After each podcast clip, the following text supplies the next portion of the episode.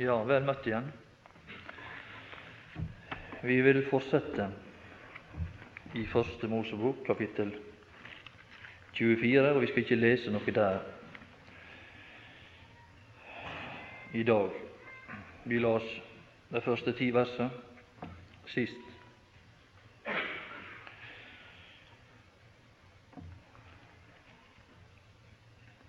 Når vi nå eh,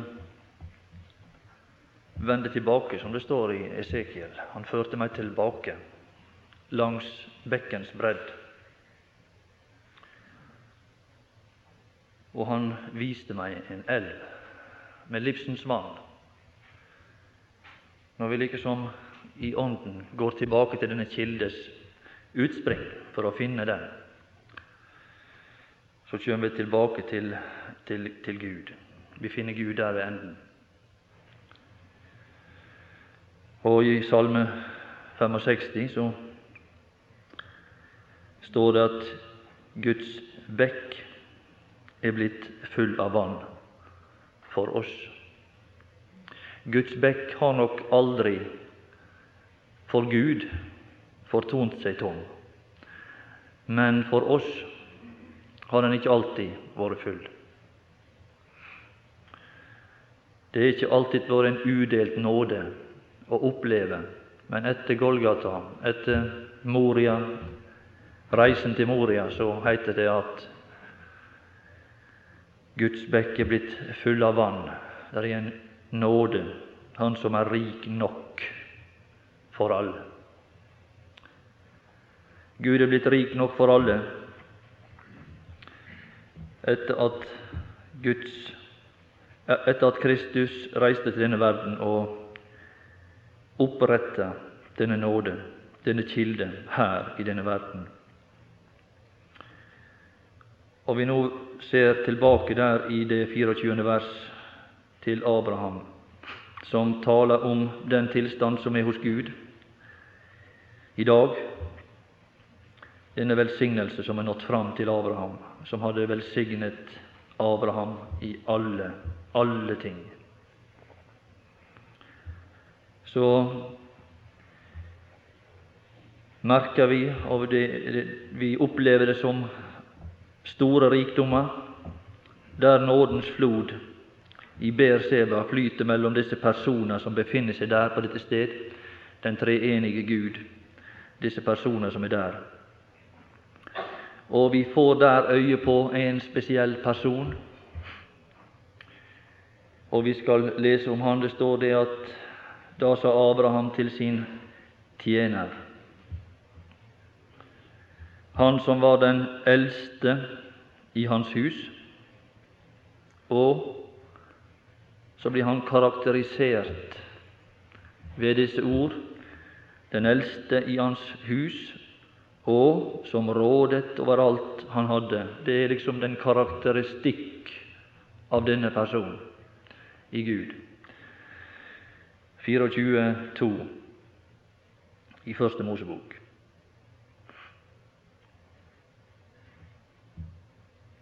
Vi kan kanskje også ta med der at eh, jeg nevnte dette at Guds bekk ikke alltid var full av vann for oss. Og Går vi tilbake til det 21. kapittel, så fant vi der at det var ei trette om denne brønnen, denne Ber Seba, der Abraham bodde fast etter Moria land og Moria berg. Og Guds uendelige og suverene nåde i forbindelse med oss måtte hvile på et absolutt fullkomment fundament. Og dette var ikke åpenbart før Golgata. Gud har ikke ført dette fundament fram før ved Kristi død, da han viste den rettferdighet som dette, denne nåde måtte hvile på. Gud måtte være rettferdig når han skulle vise sin nåde.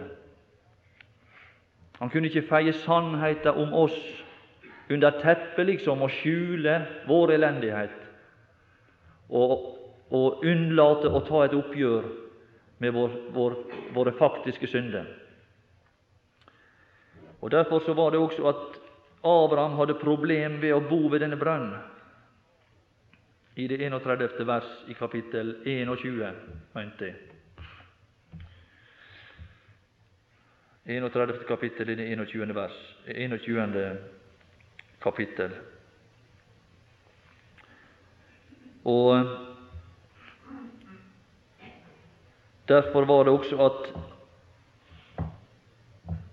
det står det at Abraham ikke blei boende ved denne brønnen, enn skjønt han var der en periode. Så gjorde de en pakt i Berseba, og Abimelek og Pikol, hans hærfører, brøt opp og vendte tilbake til filisternes land. Og Abraham plantet en tamarisk i Berseba, og der påkalte han Herrens, den evige Guds navn. Men så ble ikke han boende der.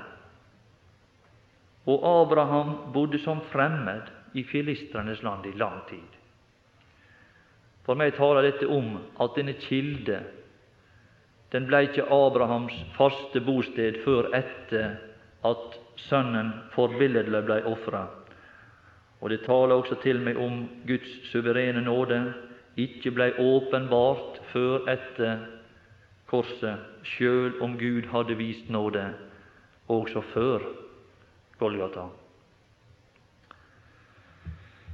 Men det var ikke nåden, og det var ikke den fullkomne nåde som var åpenbart, men det var nåde. Herren er nådig og barmhjertig og rik på miskunnhet.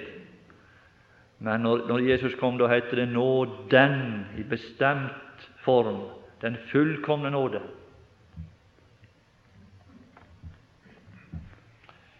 Vel,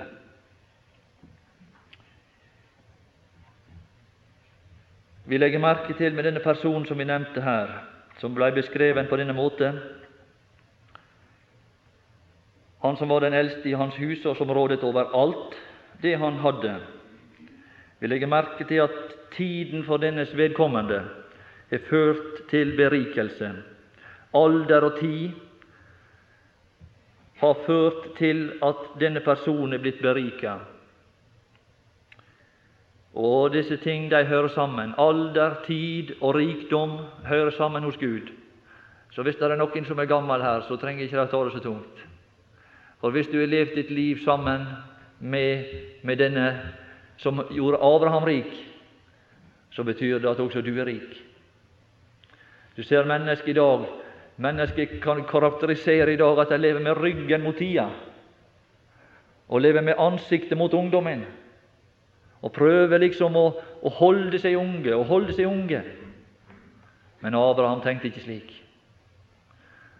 Nei, det er noe i Guds sammenheng. Der hører alder og lykke og rikdom sammen. Og slik var det for også denne tjener. Og det var også slik for Abraham i verset framfor. Abraham var nå gammel og langt ute i årene, og Herren hadde velsignet Abraham i alle ting.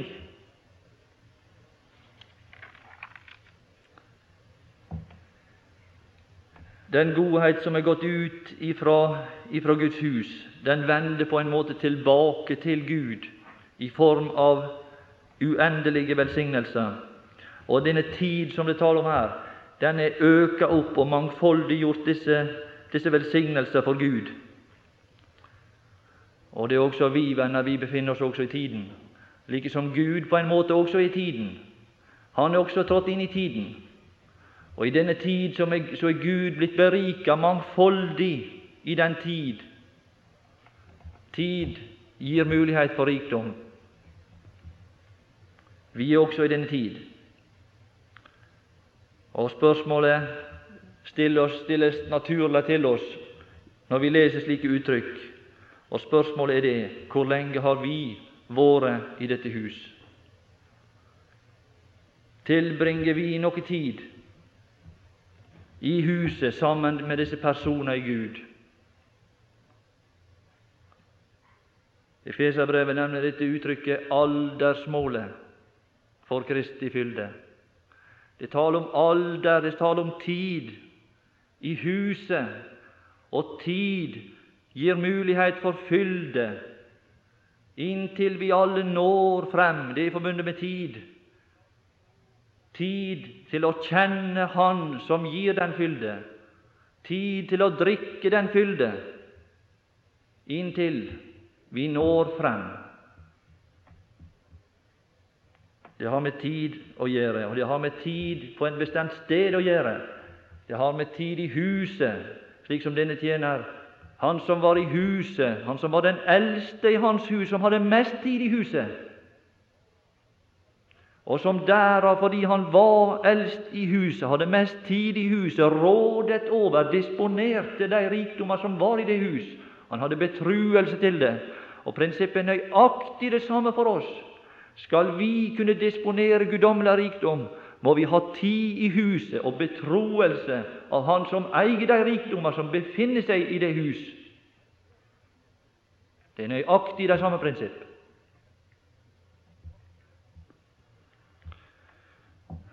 Aurebekk nevnte Du står vel ikke på verkstedet, sa han. Du står på verkstedet, da er klokka avslått. Tiden går ikke, du har ikke tid du er ikke virksom, det er ikke tid. Vi har ikke kontakt med, den, med Guds klokke, fordi vi er ikke i samfunn med Han, vi er ikke i Hans hus, og da, da er ikke vi i tiden. Vi har ikke tid, vi er på verksted. Og da går vår levetid uten at vi lever i forbindelse med det som er liv. Så er ikke vi i huset, da vi er utenom huset, og tiden passerer over oss uten at det blir fylde.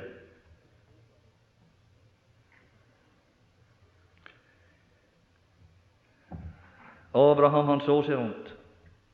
Han så seg rundt i dette hus. Jeg får vel sende en eller annen. Ja, han tenkte ikke slik.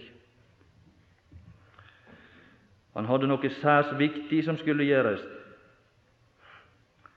Sønnens fremtidige hustru skulle overlates til denne tjeners varetekt.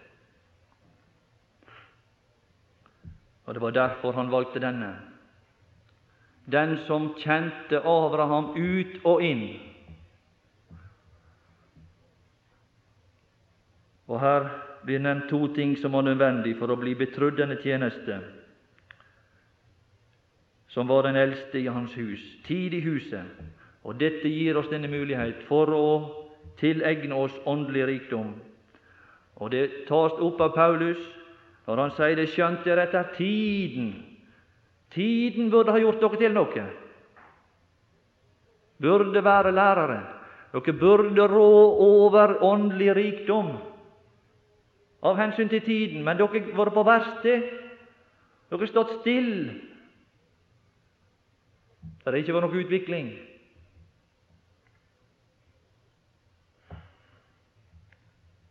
Det var ikke gav han spor etter. Skjønt dere etter alle disse åndelige gaver? Det var ikke det han sa. Men det var tiden som var mulighet. Det var ikke det han tenkte på, at dere har fått den gave og den gave og den gave. Og dere, I dag er det spørsmål om åndsdåp. Er du blitt døpt? Er du blitt, eh, fått en andre velsignelse? Er du fått det og det? Det var ikke det Paulus spor etter.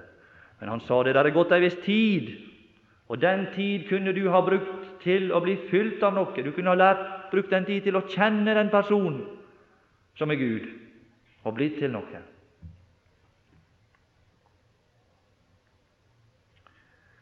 I den grad vi bruker tid hos Gud, og i den grad dette fører til rikdom, i den samme grad kan Gud betru oss ei tjeneste slik etter samme prinsipp som Abraham betrudde sin tjener denne oppgave. Her snakker vi imidlertid om den fullkomne tjener, Den hellige ånd, som alltid har vært hos Gud, og som er Gud. Og som rår over all åndelig rikdom. Og Hvis vi leser i 1. Korinterbrev 2,11, skal vi bare slå fast dette med det nytestamentlige språk. Veldig kjente vers. 1. Korinterbrev 2. Og når vi kommer til dette sted, så, så vil vi komme til et sted der det står det at men som skrevet er hva øyet ikke så. Det er dit vi er kommet, og det er der vi befinner oss når vi i dag går tilbake til det sted som vi taler om. Det er et sted bortenfor der øyet stopper. Hva øyet ikke så. Vi går videre bortenfor. Det er bortenfor det sted. Og øret ikke hørte. Første Korintiabrev 2 og vers 9 kan vi begynne. Hva øyet ikke så, hva øret ikke hørte. Det er et sted bortenfor den menneskelige sanser. Og der, venner, der er et oppkomme. Der er Guds bekk. Og ikke oppkom i noe menneskes hjerte. Du vil lagt den menneskelige oppkomme bak deg.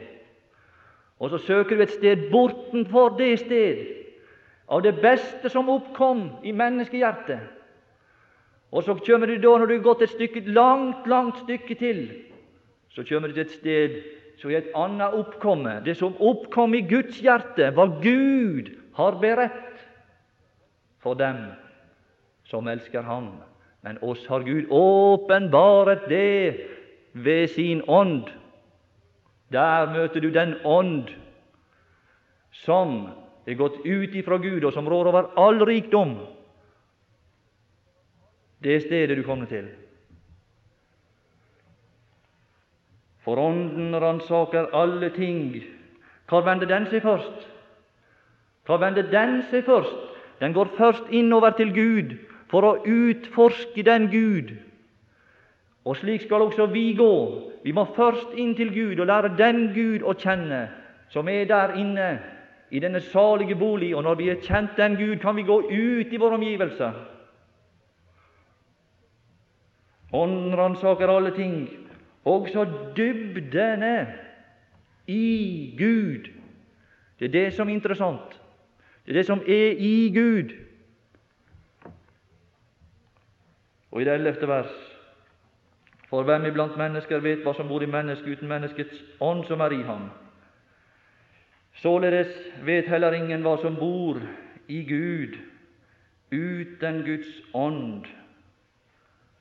Der er den fullkomne tjener som går innover til Gud først, for så å gå utover, og så kjem Han til oss men vi har ikke fått verdens ånd. Vi har fått den ånd. Så kjem han ut til oss. Vi har fått den ånd som er av Gud, for at vi skal kjenne. Vi er en person som først er gått inn til Gud, og så kjem ut til oss, for at vi skal kjenne det som er gitt oss av Gud. Og det er det som ligger på disse kamelers rygg, som er tatt med ved Den hellige ånd inn i denne verden, for at vi skal kjenne det. Og det er ikke det venner, som er så spennende, det er disse kameler som vi talte om. Det er ikke det som er så spennende. Men du skjønner, opp på den rygg som ligger der, der ligger en, en sal, og der ligger noen juveler, der ligger noen vidunderlige ting som denne tjener begynner å ta fram når han kommer fram til Rebekka. Der ligger noen vidunderlige juveler der, som han tar fram og begynner å overøse denne unge, vakre kvinne med disse ting, som gjør henne enda vakrere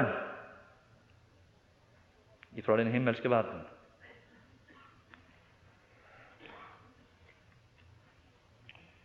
Ja, nå er vi iblant de heldige, de lykkelige, de privilegerte,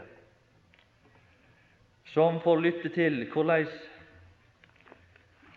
eh, der tales ved, ved, ved, denne bekk, ved denne kilde, ved denne, i, i Guds verden.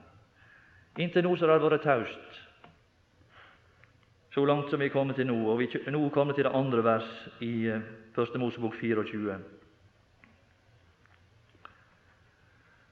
Og der hører vi da sa Abraham til sin tjener, han som var den eldste i hans hus, og som rådet over alt det han hadde, så kommer det første uttrykk ved denne kilde kjære.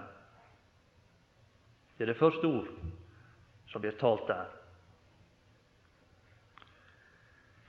Dette er sjølve Guds vesen og eksistens.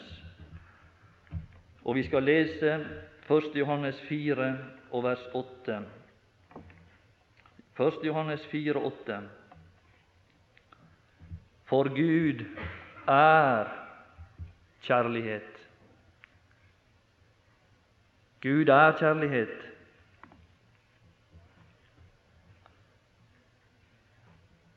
Vi er kommet nå, venner, til, til det sted der kjærligheten er oppfunnet. Det er selve Guds eksistens. Den eksisterer mellom disse personer i Gud, og den flyter den fritt og uhemma.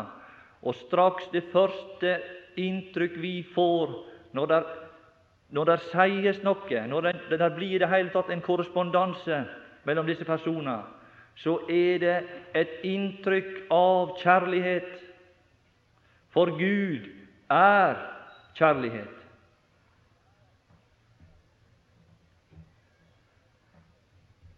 Da sa Abraham Ja, det er et vidunderlig uttrykk. Og Hvis vi leser også i, der, i det fjerde kapittel i Johannes første brev og det sjuende vers Dere elskede. Her kjem kjærligheta ut. Den kjem til oss. Vi får inntrykk av at vi er elska. Og Så kommer neste uttrykk La oss elske. Og den som blir elska, han kan føre den kjærlighet videre. Og det er Guds prinsipp, og slik er Gud.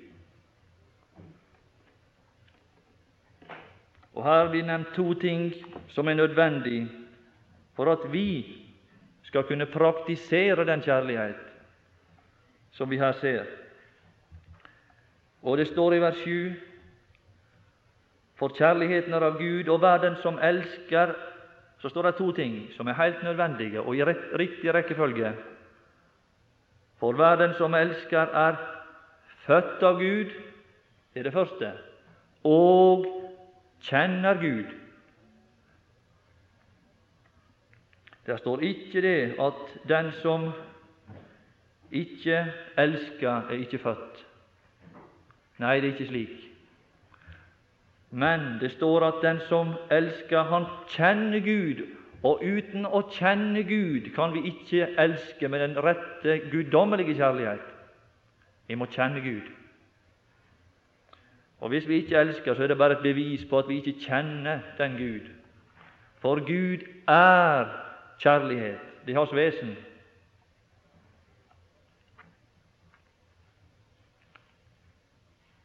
Og Det står også om Gud i Efeserbrevet der at eh, et ord som skulle liksom Paulus han så seg rundt der i den verden før han kom tilbake til oss, og så sa han det at, at han Når han utvalgte oss der, så liksom skulle han prøve å beskrive hva slags, eh, hva slags tone var der i det hus.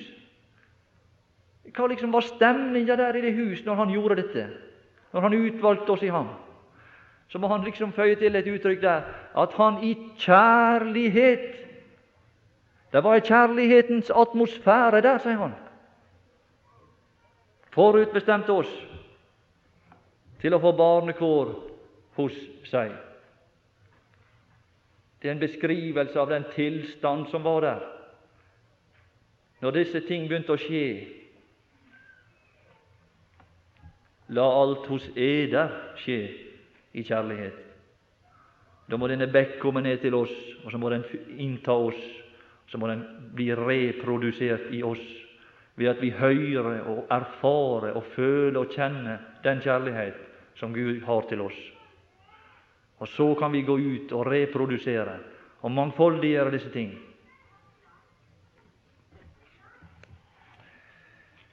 Ja, i vers 3, vi skal gå videre, møter vi et annet uttrykk vers 3 i Første Mosebok 24. Så vil jeg la deg sverge ved Herren, himmelens Gud og jordens Gud. Sett fra Guds bolig og ifra Guds synsvinkel så er jord og himmel ei enhet. og hans herredømme det er absolutt like selvfølgelig på jord som i himmel. Men så er det så merkelig at når vi går til vers 7 i samme kapittel, så er uttrykket der kun Herren himmelens Gud. Der utelater han jordens Gud. Og det er ganske påfallende å legge merke til. Spørsmålet her, når dette er omtalt, er om nu kvinnen ikke vil følge meg hit til dette land. Guds mål for, for denne brud, for denne kvinne Rebekka, det er det himmelske. Derfor er det at det i denne sammenheng kun er nevnt himmelens Gud. Vi som er troende venner i denne tidsperiode, vi har fått dette store privilegium å søke, som det står i Kolossenserbrevet, og ikke bare søke, men også å nå det som er der oppe, det nivå av liv og opplevelse som er høyere enn det jordiske, sjøl om det jordiske liv også en gang skal være fullkomment, så er det himmelske allikevel høyere. Og det er det som er betrutt oss. Og det er ganske påfallende dette at teksten her er så nøyaktig at når spørsmålet røyser seg om Rebekka vil reise fra sitt land til det lovede land Når dette spørsmålet dukker opp, altså forbildet eller gjøre denne reise fra jorden til himmelen, så presenterer Gud seg i den forbindelse som Herren, himmelens Gud, som førte meg bort fra min fars hus og fra mitt fedreland. Legg merke til uttrykket 'fra', 'fra', 'fra'. Det er fra. Med hensyn til, til sitt mål og den bestemmelse som, som er for Rebekka, så er han kun himmelens Gud. Vårt kall er ikke av, av jordisk eller av synlig art. Vi har ikke det synlige for øyet, sier Paulus. Men dette er vanskelig. Det er vanskelig for oss som er bundet til det synlige, å komme til denne overgang og kunne greie å begynne å fornemme og erfare og ha noe tilknytning til det usynlige. Det er en veldig vanskelig ting. Og Vi skal lese, for å prøve å illustrere dette, fra Lukas 24. I denne samtale som er kalt Eller denne, denne disse Emmaus-vandrerne, som de er blitt kalt. Og det er Lukas 24, 31. Og det skjedde i vers 30, da han satt til bords med dem. Altså Det står det at han kom og gikk sammen med dem på veien, vet vi. Og han var i et legeme, han var synlig. Selv om at han hadde stått opp og egentlig var usynlig, så viste han seg for dem som et vanlig menneske. Fordi at de sto der med, med et sorgfullt, står der, ganske typisk de hadde mist han. De hadde mist han som hadde gått inn i den usynlige verden. Og så greide ikke de å oppfatte forbindelsen med han. De hadde ikke noe apparat som kunne gjøre at de hadde en forbindelse med han som var usynlig. Og Derfor så måtte han gjøre seg synlig igjen i en overgangsperiode, inntil det ble oppretta en forbindelse så de kunne kjenne den usynlige. Og Vi leser i vers 30 der, ja, og det skjedde da han satt til bords med dem. Da tok han brødet og velsignet det, og brøt det og gav dem. Og da ble deres øyne åpnet, og de kjente ham. Da ble det en forbindelse med han igjen. Da var det kontakt igjen. Og straks så står det Og han ble usynlig for dem.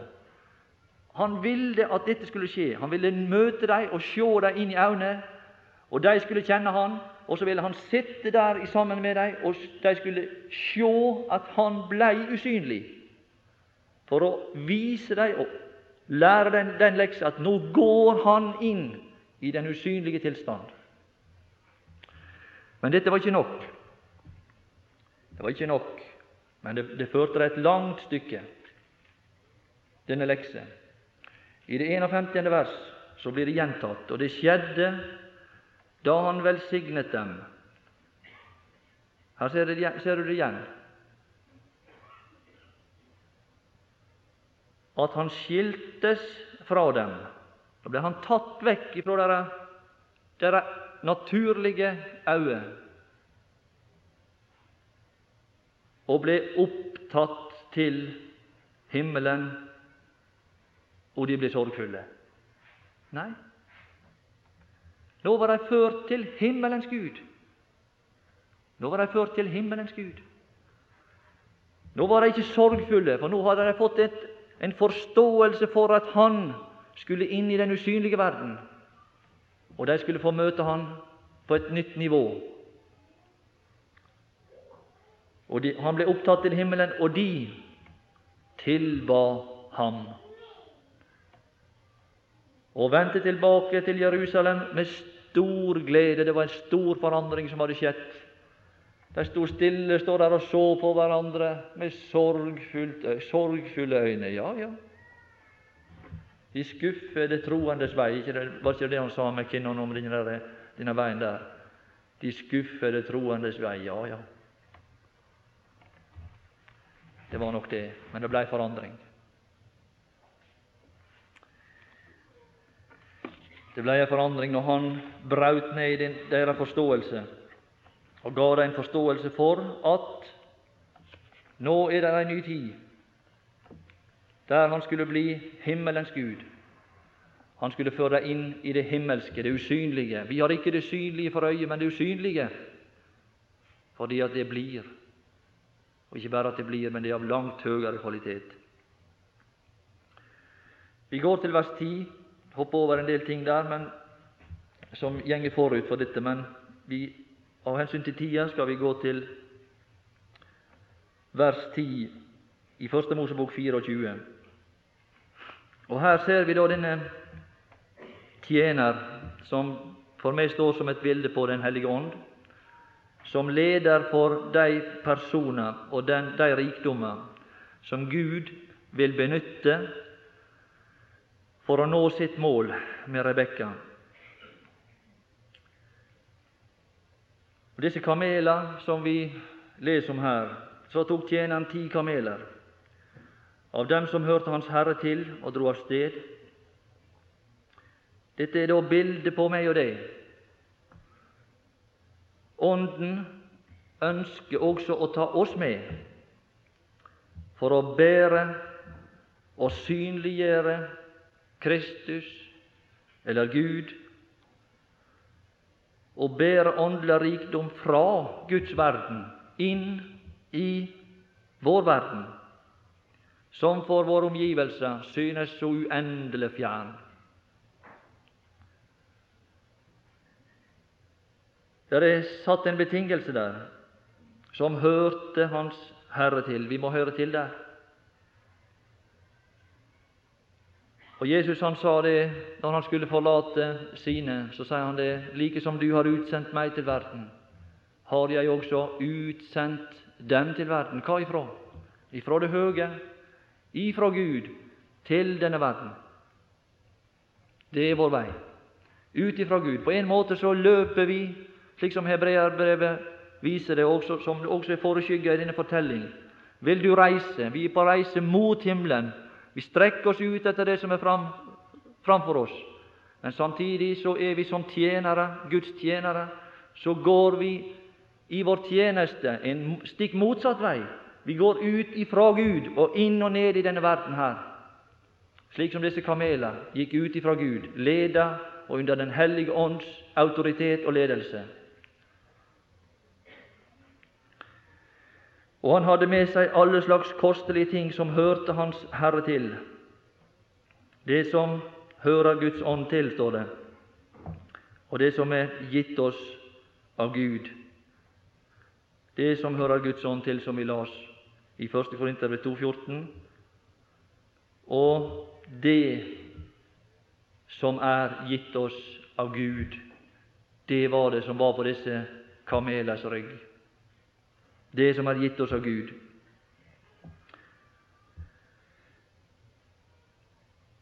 Og Som jeg nevnte, så er ikke det, spesielle ved disse kamelene ikke akkurat kamelen sjøl, men det er det som de bærer med seg, disse ufattelige rikdommer. Og Paulus sa det 'når jeg kommer', sier han, 'da skal jeg komme'. Ja, å, vil du komme, Paulus? Ja, det var kjekt du kom. Men det var noe. Da skal jeg komme med en fylde av Kristi velsignelse. Det var det som var interessant. Det var det han hadde med seg. Og det er det som er på disse, disse lite tiltalende kameler sin rygg. Og som var så lite tiltalende til Korint, så var disse kameler stengt ute. Og Paulus måtte si 'gi oss rom', for det er av alvorlig konsekvens å stenge ute den som bærer guddommelig rikdom med seg. Det av alvorlig konsekvens. Gi oss rom. Og det er alvorlig konsekvens for menigheten i dag å holde den utenfor som Gud er betrutt av tjeneste, og som Gud er berika med åndelig velsignelse, og så tar seg sjøl lærere i hopetall. Og det blir gjort, men konsekvensene er alvorlige.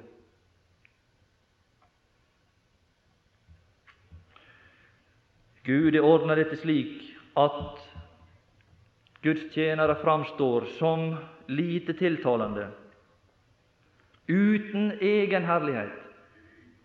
Uten herlighet. Slik var det også for, for den Herre Jesus. For at den rike kraft, sier denne kamel, Paulus, for at den rike kraft skal være av Gud, og ikke av oss, i det vi alltid er i trengsel. Det er trangt for en kamel, sa Jesus. Det er trangt. Vi alltid er i trengsel.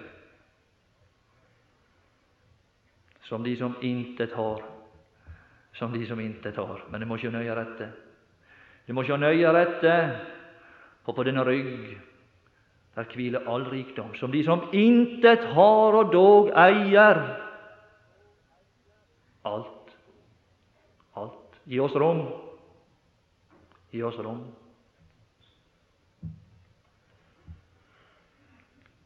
Hvordan var det med Herren? Hvordan var det med Herren når han var i denne verden? Jesajas 53 har han kalt 'min tjener'. Hvordan var det med han? Ja, han var en slik fin Du ser på disse fine korta, så er han en slik fin glorie. Ja, det er fint å se på. Fine blomster rundt ham. Alt er så skjønt. Han hadde ingen herlighet når han, var, når han er sett som gudstjener.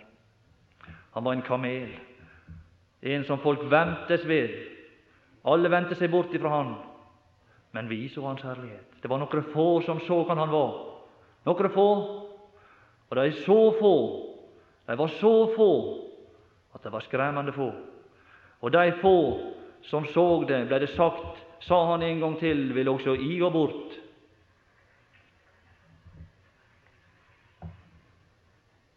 I dette samme kapittel i Isaias 53 så står det han hadde ingen skikkelse og ingen herlighet.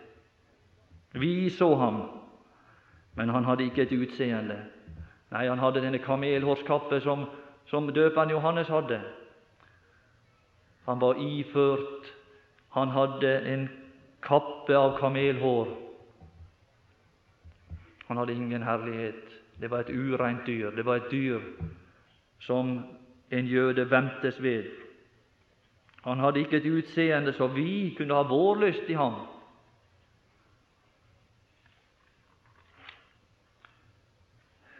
Disse rikdommer de er, ikke, de er ikke noe som hører oss til.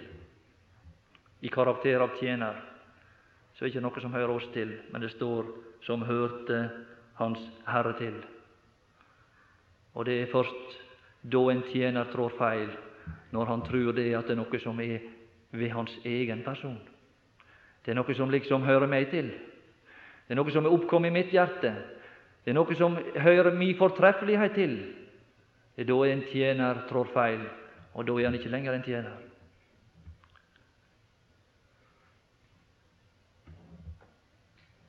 Det som var Guds hensikt, det var at disse kamelene skulle forsvinne, og et bilde av den levende Gud skulle bli tilgjengelig for oss.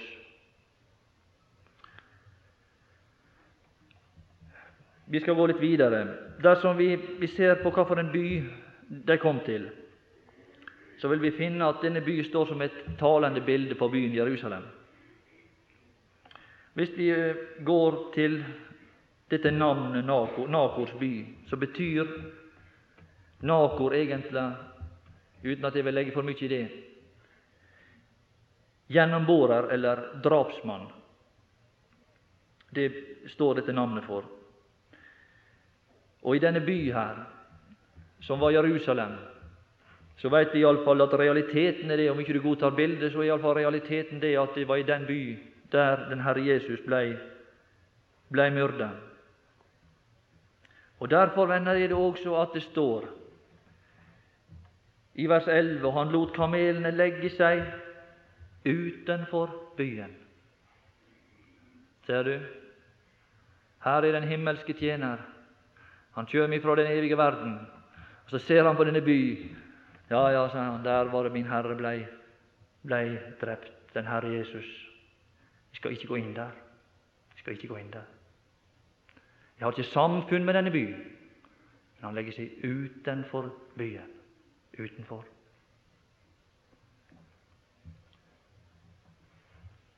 Den tar en stilling utenfor. Og Denne by den taler om et etablert samfunn som har bevist sitt hat mot Kristus ved å føre denne samme personen utfor bymuren, der de hengte ham på et kors. Men la oss legge merke til det at da han døde der for 2000 år siden snart, utenfor denne by, så var det hans hjerte Hva var det, det hjertet som der blei ført ut for å dø? Hans hjerte var innenfor. Han var hos deg som han blei forkasta av.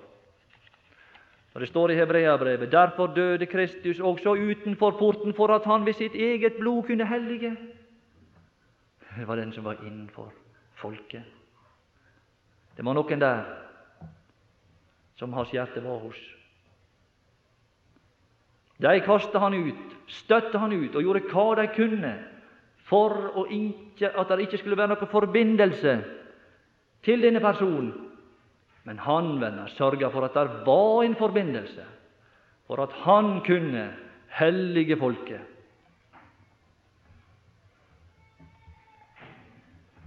Og her finner vi ting gjentar seg. Her finner vi en ny tjener i den samme tjeneste, utenfor leiren, men hans hensikter er for dem innenfor. Og Vi skal finne det i dette kapittel at han når sin hensikt. For ved denne tjeneste som denne tjener utfører, så er ikke det lenge han, han holder på med sin tjeneste der utenfor. For så ser vi byens port gå opp, og så kommer der en vidunderlig vakker skapning ut ifra denne by. Og hans tjeneste, den er nådd sitt mål. Han lokker en ut ifra den by til ei kilde med levende vann ut til det samme sted der denne Herre Jesus hadde der som han døde, og på det sted der hans tanker gikk inn igjen til denne by. Hans tanker i sin død var innenfor, og nå ser vi det at det, hans hensikter er i ferd med å lykkes. For nå er det at Ånden kommer ned til denne by, og så er det det at det som var i Jesu hjerte, at noen skulle komme ut til dette stedet der han døde, og der han nå forbilledlig oppretta ei guddommelig kilde. Der ser vi det at frukten av hans bønn den blir, blir å sjå her. For plutselig så åpner byens port seg, og det kommer ut et menneske til dette sted. Og der den Herre Jesus døde, der i dag ei kilde med vann som veller frem til evig liv.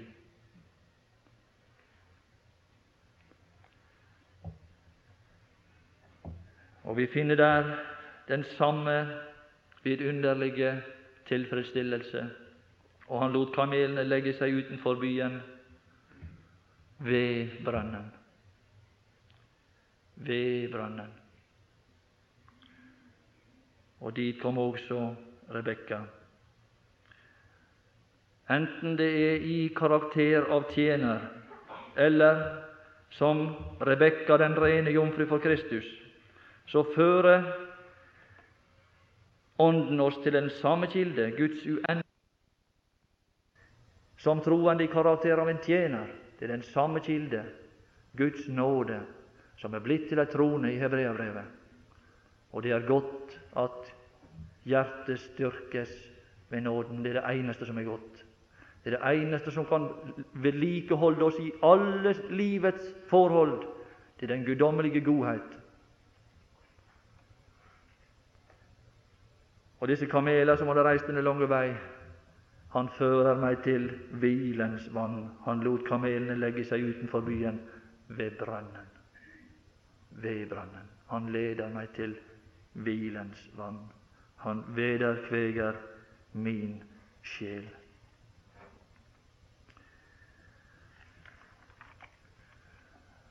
Ja,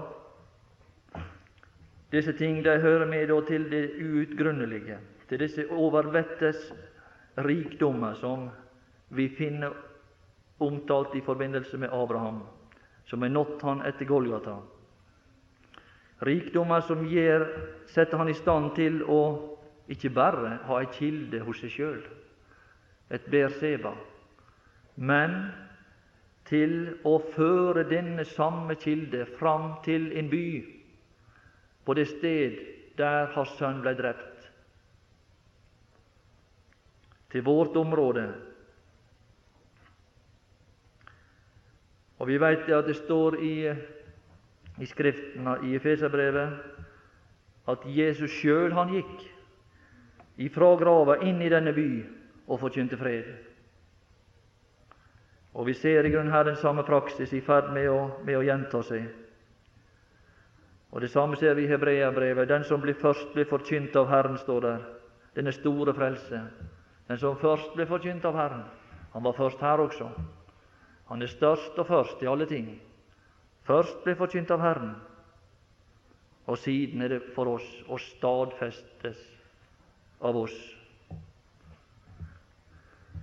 sier han hebreerbrevets forfatter. Han var først. Det som vi bør forstå når det gjelder dette sted utenfor leiren, så er ikke det først og fremst et geografisk område eller et geografisk sted. Men det er et uttrykk for det sted som blir ofte passende for den som ikke tilhyller det som er innenfor. Det er den som ikke har fellesskap med det som aktes for stort innenfor disse bymurer, inn, i dette samfunn. Det er et sted utenfor et vanærens sted, som det er kalt i Hebreabrevet 13, å bære Hans vanære ut til ham utenfor leiren, og bære Hans vanære.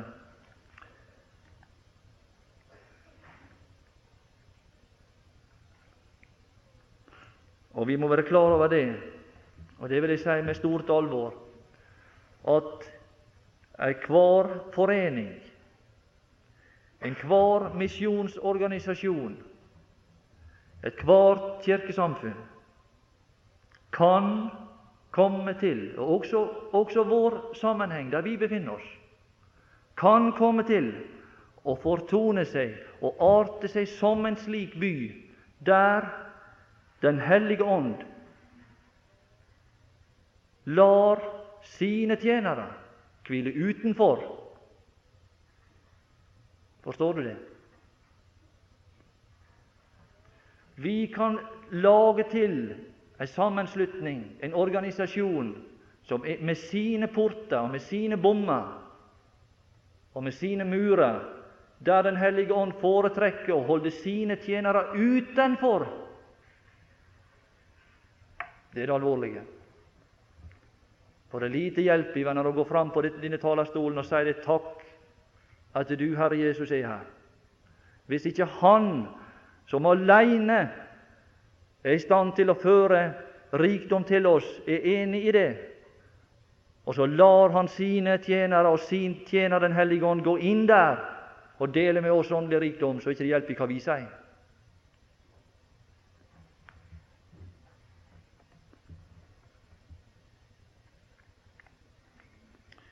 Vi kan ta en liten, bare helt til slutt, nevne hvordan det gikk med han stakkaren som Jesus helbreda der i, i Johannes evangelium. Det var, han var vel den blindfødte han, han, var, han var født blind. Det står der. Johannes 9 er det vel det snakk om. Bare helt til slutt. Og i det 9.28 skal vi lese der. Han også havna på utsida havna utenfor muren. 928. Og skjelt, da skjelte de ham ut. De skjelte ham ut. Ut. Og i vers 34 står det og de kastet ham ut. De kastet ham ut. Men det er det, skjønner du, det var det. Jeg snakka om engler i går som tjener oss. Du skjønner at det er engler som så på denne mannen. Det var engler som så ham. Da Jesus fikk høre, så var det nok engler som sendte beskjeder opp til Jesus. Jesus fikk høre. Det er ingen som blir satt utenfor på grunn av sitt forhold til den Herre Jesus, som ikke blir blir eh, tatt hånd om, og som ikke det blir sendt beskjed angående til den Herre Jesus. Jesus fikk høre. Hva var det han fikk høre? At de hadde kastet ham ut. Jesus fikk høre. Og da han traff ham Han treffer alle slike. Han treffer bare en eneste en som blir kasta ut av det gode selskap, som opplever at det der er en bom, der er en port, der er en mur, der er jeg på utsiden, jeg er utenfor det gode selskap. Ja, og så står det og da han traff ham. Ja, han treffer alle slike. Han oppsøker enhver som blir satt utenfor og det er kun den han oppsøker. Det er det som er saken. Det er den han oppsøker. Det er de han er samfunn med. For vi har et alter utenfor leiren. Der er et samfunn ved et alter.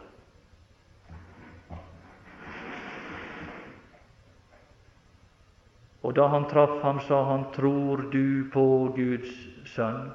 Her var en ny og øka forståelse. Han hadde kjent en som hadde helbredet han, og så nå møtte han han sjøl. Og nå tar han opp en ny side ved seg. Nå skal jeg vise denne mannen som er satt utafor nytelsen av dette selskap. Nå skal jeg gi denne mannen en nytelse av en ny side med meg. Jeg skal treffe alle slike.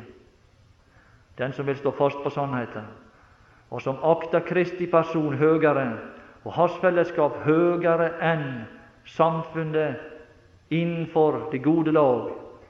Han skal møte en person som løfter han inn i ny og hemmelig viten om seg sjøl. Du skal få se Guds sønn på en ny måte. Tror du på, på Jesus? Nei. Tror du på, på Guds sønn? Han svarte, han svarte, Hvem er han? Hvem er han? Det er et vidunderlig spørsmål. Så jeg kan tro på ham. Jesus sa til ham, Du har sett ham. Du har sett ham. Du har sett Guds sønn. Det er en vidunderlig ting å bli kasta ut til møte med den Herre Jesus. Han som, han som taler, han som taler alle plasser, taler på ethvert sted. Han som her taler. for her? Utenfor. Utenfor. Det er der han taler. Og der taler han en nyviten om sin person. Du får del i hans himmelske karakter. Og du blir kasta utenfor det gode lag. Får du et personlig møte med Han som gir deg opplysning om seg sjøl og sin person. Her utenfor. Utenfor. Han er det. Da sa han 'Jeg tror Jesus'. Nei, jeg tror Herre. Jeg tror Herre. Det ble en ny side, det ble en ny erkjennelse, en ny forståelse. Og det ble en ny tilbedelse, og han falt ned for ham.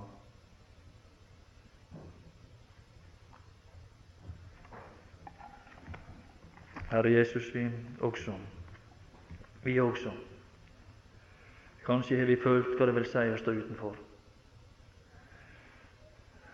Og jeg vil takke deg. Du har alltid møtt dine. Du har aldri forlatt dine. Det er all den erfaring. Den som har stått fast på ditt vennskap, på de fakta som han har opplevd, på den erkjennelse som en ser din person. Han får, får en forøka forståelse utenfor, men kun utenfor utenfor Han som her taler. Så vil vi takke deg, Herre Jesus, at du aldri har glemt dine. Du møter oss i alle livets tilskikkelser når vi bare står fast på ditt selskap på din side. Så ber vi for hverandre at noe av ditt ord må bli igjen i vår sjel, i vårt sinn og i vår ånd. Vi ber for hverandre i den Herre Jesu navn. Amen.